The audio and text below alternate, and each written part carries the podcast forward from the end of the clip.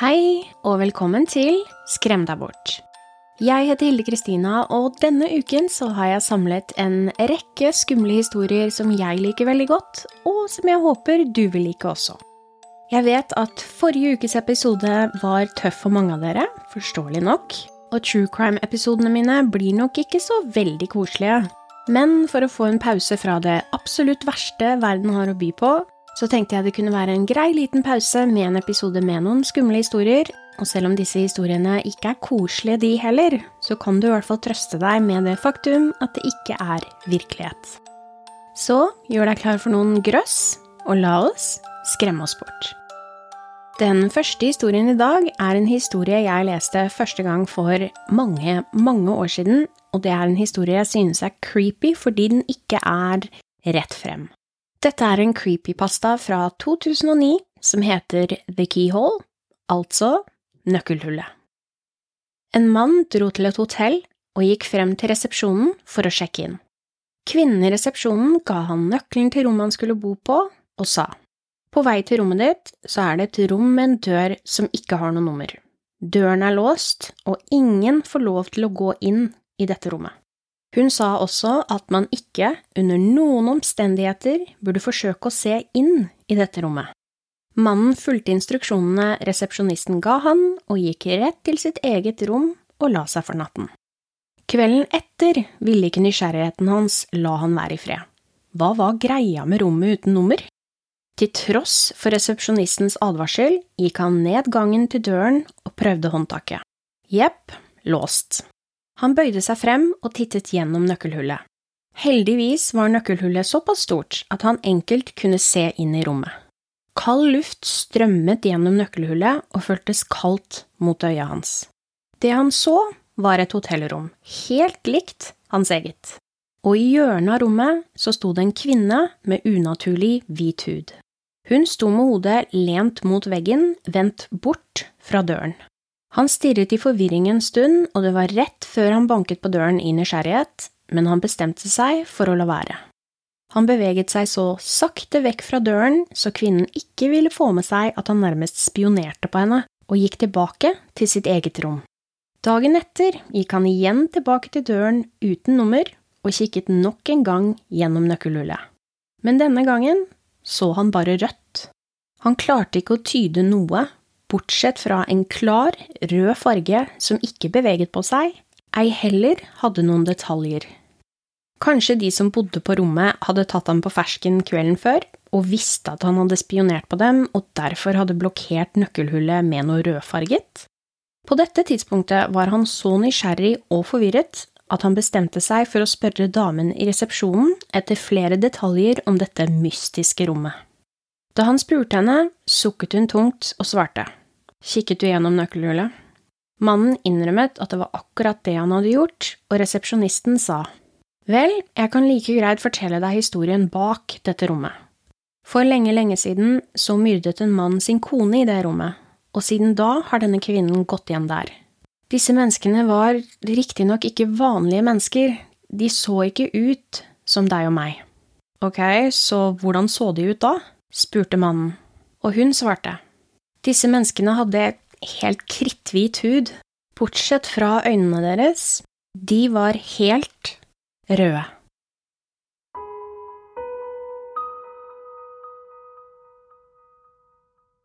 De tre neste historiene i dag er skrevet av en mann som heter Gabriel Valdes Oro, et navn jeg helt sikkert uttaler feil, men jeg håper han tilgir meg. Disse historiene er hentet fra boken hans, som heter Flesh Fiction Lasting Shivers from Supershort Horror Stories. Link til denne boken kan du finne i beskrivelsen av denne podkasten. Den første historien er definitivt min favoritt fra denne boken, og historien er skremmende, men kanskje mest trist. Om du i likhet med meg har vært så heldig å få oppleve det å ha en sjelevenn i form av et dyr, så kommer du til å forstå akkurat hva jeg mener. Denne historien heter En flink gutt. Boris var en god hund. Han var min beste venn i tolv år, gjennom de gode tidene og de vonde. Alltid var han der for meg. Hvor trist er det ikke at han døde uken før vi flyttet inn i et nytt hus? Det huset føltes så stort og tomt uten vennen min. Den første kvelden i det nye huset så lå jeg våken i sengen min og tenkte på alle de gode tidene vi hadde delt. Det var da jeg hørte noe. Det hørtes ut som skritt, men som om de var veldig langt unna. Som om jeg var langt ute i en eng og noe gigantisk vandret rundt to kilometer unna. Et bilde av Boris og meg som hang på veggen, begynte å riste. Deretter hvisking. Svakt og forhastet, og deretter et knurr. En lyd jeg aldri kommer til å glemme. Knurringen til min beste venn. Han bjeffet, og jeg kastet meg opp. Deretter forsvant alle lydene igjen, og huset ble igjen stille.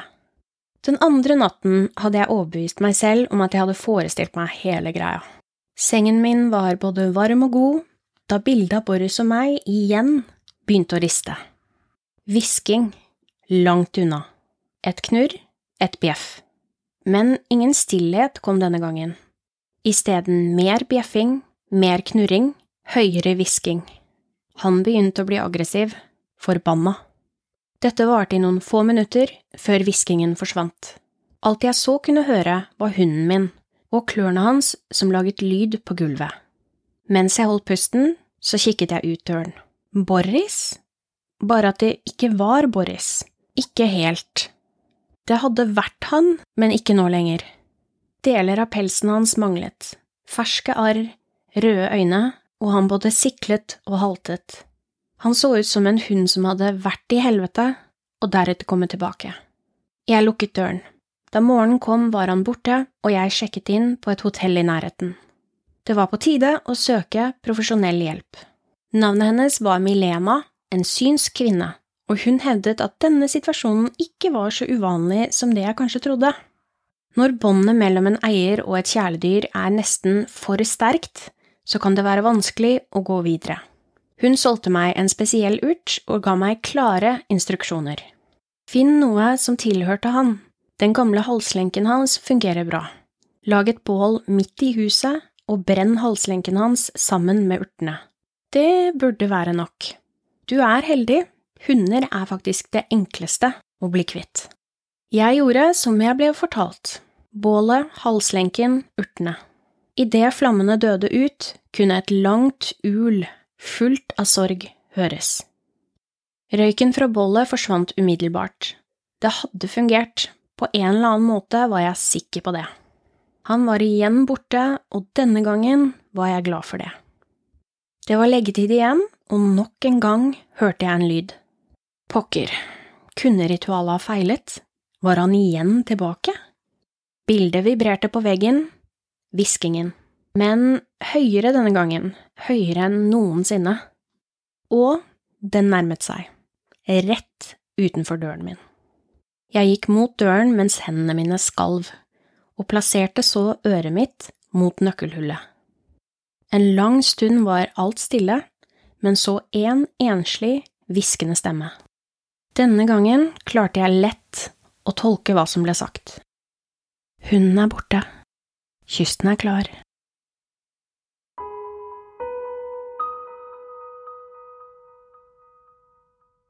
Den neste historien i dag heter Den irriterende naboen. Jeg pleide å bo i et lite leilighetskompleks i sentrum. En av grunnene til at jeg flyttet ut og vekk fra det stedet, var at nabolaget ikke akkurat var av de tryggeste. At jeg flyttet hadde også å gjøre med naboen som bodde rett over meg. Han var en merkverdig fyr med et shabby utseende og som stort sett holdt seg for seg selv. Allikevel kom det hver natt rundt midnatt en merkelig lyd ovenfra, som etter hvert begynte å gå meg kraftig på nervene. Det var ikke en høy lyd på noen måte, men jeg sover veldig lett, så det var vanskelig å få den søvnen jeg trengte med de små bankene som hele tiden kom ovenfra. Lyden minnet meg om lyden av høyhælte sko, men med et lavere volum nesten som om personen som laget lyden, forsøkte å være så stille som overhodet mulig. Noen få dager etter at lyden først startet, så innså jeg at mønsteret alltid var det samme. Nesten som det var et opptak som ble spilt av om og om igjen. Bare at pausene med stillhet mellom hver sekvens varierte. Altså kunne det ikke være et opptak heller. Dette fortsatte i nesten et helt år. Alltid samme sekvensen av små bank, iblant i flere timer av gangen. Til slutt føltes det som lyden var tatovert på hjernehinnen min. Det var ikke før flere år senere, mens jeg hjalp datteren min med leksene sine, at jeg lærte litt om morsekode. Med de små knokene sine banket hun på pulten sin, og det gikk kaldt nedover ryggen min da jeg innså at jeg kjente igjen det mønsteret. Da jeg spurte henne hva det betydde, lo hun og sa, Det er jo den enkleste, pappa. Det er den du bruker når du trenger hjelp.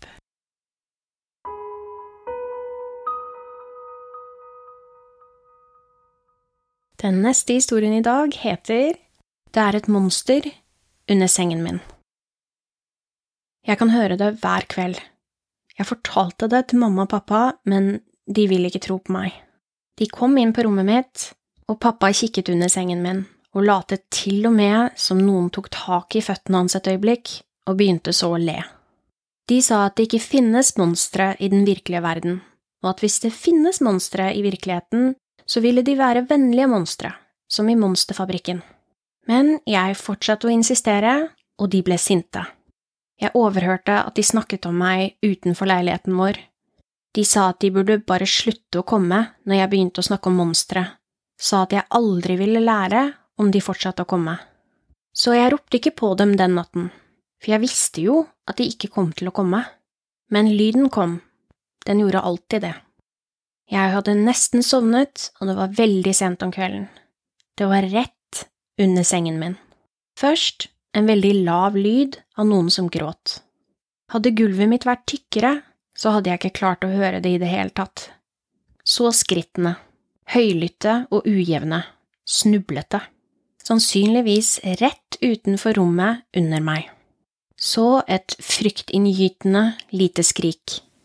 En dør blir åpnet, og en gråtende stemme. Stemmen til et lite barn. Nei, pappa, vær så snill, ikke i dag. Og så snakket monsteret, den eneste tingen han noensinne sa. Hold kjeft.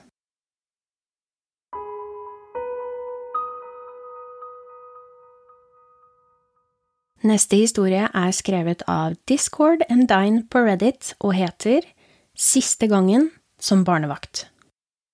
Jeg sjekket hvor mye klokka var mens jeg gikk opp mot døren ti minutter forsinket, men jeg hadde vært barnevakt for dem i seks måneder, så jeg var sikker på at de ikke ville bry seg. Mr. Lopez, som var faren i familien, åpnet døren. Hei, sorry at jeg er sen, jeg… Jeg sluttet å snakke da jeg fikk sett nøye på han. Ansiktet hans var vått av svette, og han så irritert ut. Det går fint, null problem, sa han og flyttet seg fra døråpningen slik at jeg kunne gå inn. På kjøkkenet var kun ett lys skrudd på, lyset over kjøkkenbordet. Ved bordet satt Mrs. Lopez og skrev febrilsk på et ark. Jeg… jeg kommer straks tilbake, må bare si ha det til Denise, sa hun. Denise var deres ett år gamle datter jeg var barnevakt for. Mrs. Lopez forsvant nedover den mørke gangen som ledet til trappene til etasjen over. Hvilken film skal dere se i kveld? spurte jeg Mr. Lopez mens jeg satte vesken min ned på kjøkkenbordet der Mrs. Lopez nettopp hadde sittet. Jeg la merke til at papirblokken hun hadde skrevet på, var full av hull, som om hun hadde presset pennen altfor hardt ned i papiret. Hæ? Og jeg vet ikke, antar vi finner ut av det når vi kommer dit? Mr. Lopez flyttet vekten sin fra det ene benet til det andre og så mer og mer nervøs ut for hvert sekund som gikk. Først nå la jeg merke til at han hadde et dypt kutt på høyre kinn, dekket av størknet blod. Mr. Lopez, går det bra? spurte jeg, men før han fikk svart, hørte jeg Mrs. Lopez komme ned trappen. Vi… vi burde komme oss av gårde. Ha det, Cathy, sa hun og dro meg inn for en klem. Hun klemte hardere et lite sekund, og jeg kunne sverget på at jeg hørte et svakt hulk. Tusen takk for alt, sa hun med store vanskeligheter. Hun var i ferd med å si noe mer, men mannen hennes tok tak i henne og dro henne ut døren. Før han lukket den, ga han meg et sørgelig, nærmest unnskyldende blikk. Så lukket han døren, og jeg var alene i det mørke huset. Jeg vurderte om jeg skulle gå ut og snakke mer med dem eller bare dra derfra, men jeg bestemte meg for å bli. For å ikke forstyrre eller skremme Denise, så skrudde jeg ikke på lysene i huset. I stedet gikk jeg opp trappene og inn på rommet hennes i bekmørket. Jeg nærmet meg barnesengen hennes og forberedte meg på å løfte henne ut, da jeg så et ark ligge på toppen av dyna hennes. Jeg leste det som sto skrevet ved hjelp av gatelysene som skinte gjennom vinduet i rommet. Cathy, unnskyld. Han brøt seg inn mens vi gjorde oss klare for å dra. Han sa at han skulle drepe oss, gjøre grusomme ting mot Denise. Han spurte om noen i nærheten kjente oss, og vi nevnte deg. Dette er et bytte. Jeg er så lei meg. Jeg håper at Gud vil kunne tilgi meg en dag. Jeg kikket ut vinduet og så dem i bilen på vei ned innkjørselen. Begge to gråt. På fanget til Mrs. Lopez satt Denise. Bak meg, i det mørke huset, hørte jeg en dør knirke idet den sakte åpnet seg.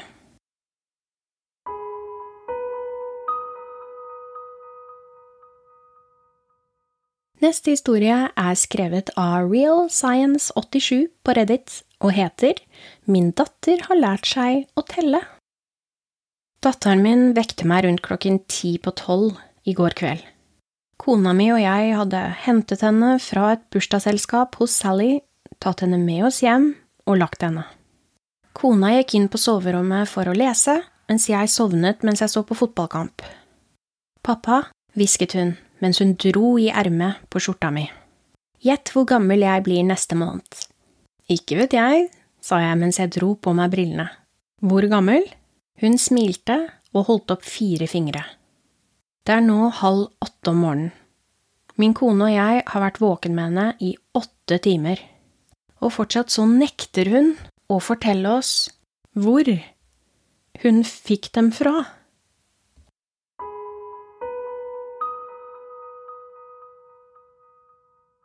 Neste historie er også fra Reddit-brukeren Discord Endine og heter Nattevandreren. Jeg kalte den skumle jævelen for Nattevandreren. Jeg bor i et veldig gammelt hus midt i en myr som ligger isolert til. Eiendomsmegleren sa at huset var hjemsøkt, men jeg bestemte meg for å kjøpe det likevel. Ikke spør meg hvorfor jeg flyttet midt ut i ingenting, det er en lang historie du ikke vil høre. Hagen foran huset mitt er et enormt gjørmehull, med gjørme fast nok til at du enkelt kan se fotspor om noen bestemmer seg for å vandre inn på eiendommen min. Helt til regnet, og det regner ofte her, visker ut sporene, så klart. La meg først understreke at jeg bor midt inne i ingenting. Seriøst, jeg må kjøre en halvtime for å komme meg til dagligvarebutikk eller et treningssenter. Oppkjørselen til huset er nesten en kilometer med sumpvei, som ser ut som den har vært forlatt i evigheter. Inngangen til huset er gjemt bak tykke busker og er vanskelig å få øye på med mindre du vet at den er akkurat der. Så jeg var mildt sagt overrasket da jeg en morgen da det ikke hadde regnet på lenge, så ut i hagen foran huset og så fotspor som ledet fra myren og opp til stuevinduet mitt. På selve vinduet var det omriss av et sett med hender som om noen hadde lagt hendene sine opp mot vinduet for å kikke inn vinduet. Denne tørkeperioden varte omtrent tre og en halv uke, så hver morgen våknet jeg til et nytt sett med fotspor og et nytt omriss på vinduet mitt, uansett hvor mye jeg vasket dem. Utrolig nok så ble jeg vant til det. Jeg mener, den skumle jævelen gjorde jo egentlig ikke noe galt. Han, jeg antok i hvert fall at det var en han, jeg så aldri personen, vandret kun opp til vinduet, sto der gud vet hvor lenge, og så gikk han. Han prøvde aldri å bryte seg inn eller skade meg på noen måte. Så jeg begynte å kalle han Nattevandreren. Jeg er ikke helt sikker på om jeg ga han et kallenavn fordi han irriterte meg, eller fordi jeg bare ble vant til at han var der.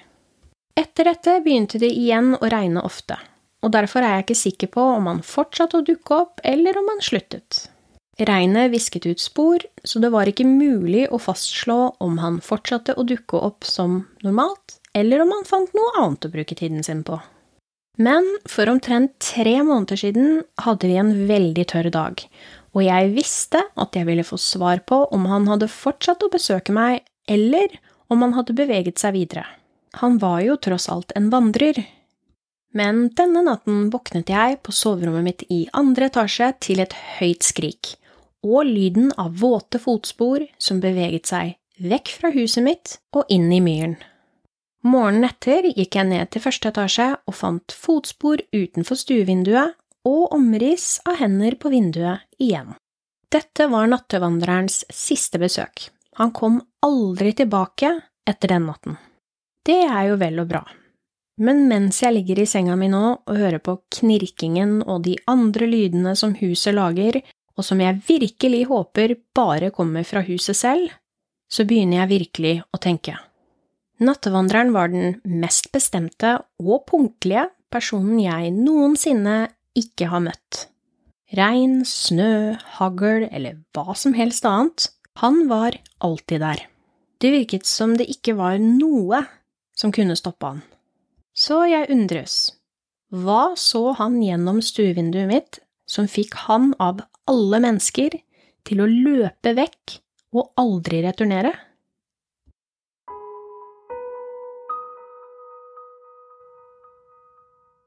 Og siste historie i dag heter Jeg hater når broren min Charlie må dra vekk, og er skrevet av en slettet Reddit-bruker. Jeg hater når broren min Charlie må dra vekk. Foreldrene mine forsøker hele tiden å forklare meg hvor syk han er.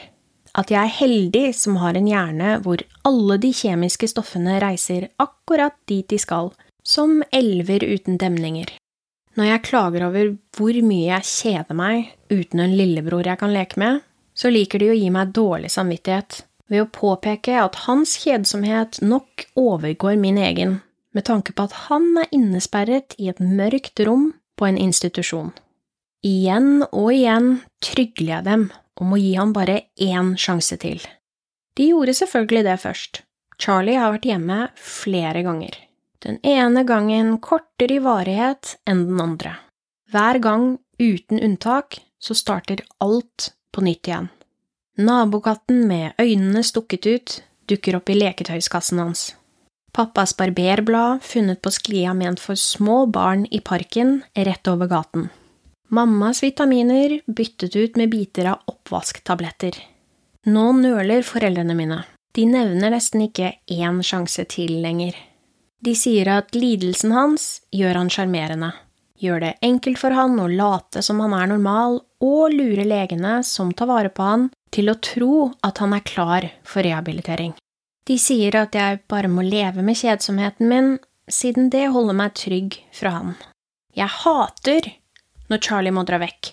Det gjør nemlig sitt til at jeg må late som at jeg er en god og snill gutt som aldri gjør noe galt, helt til han kommer tilbake igjen.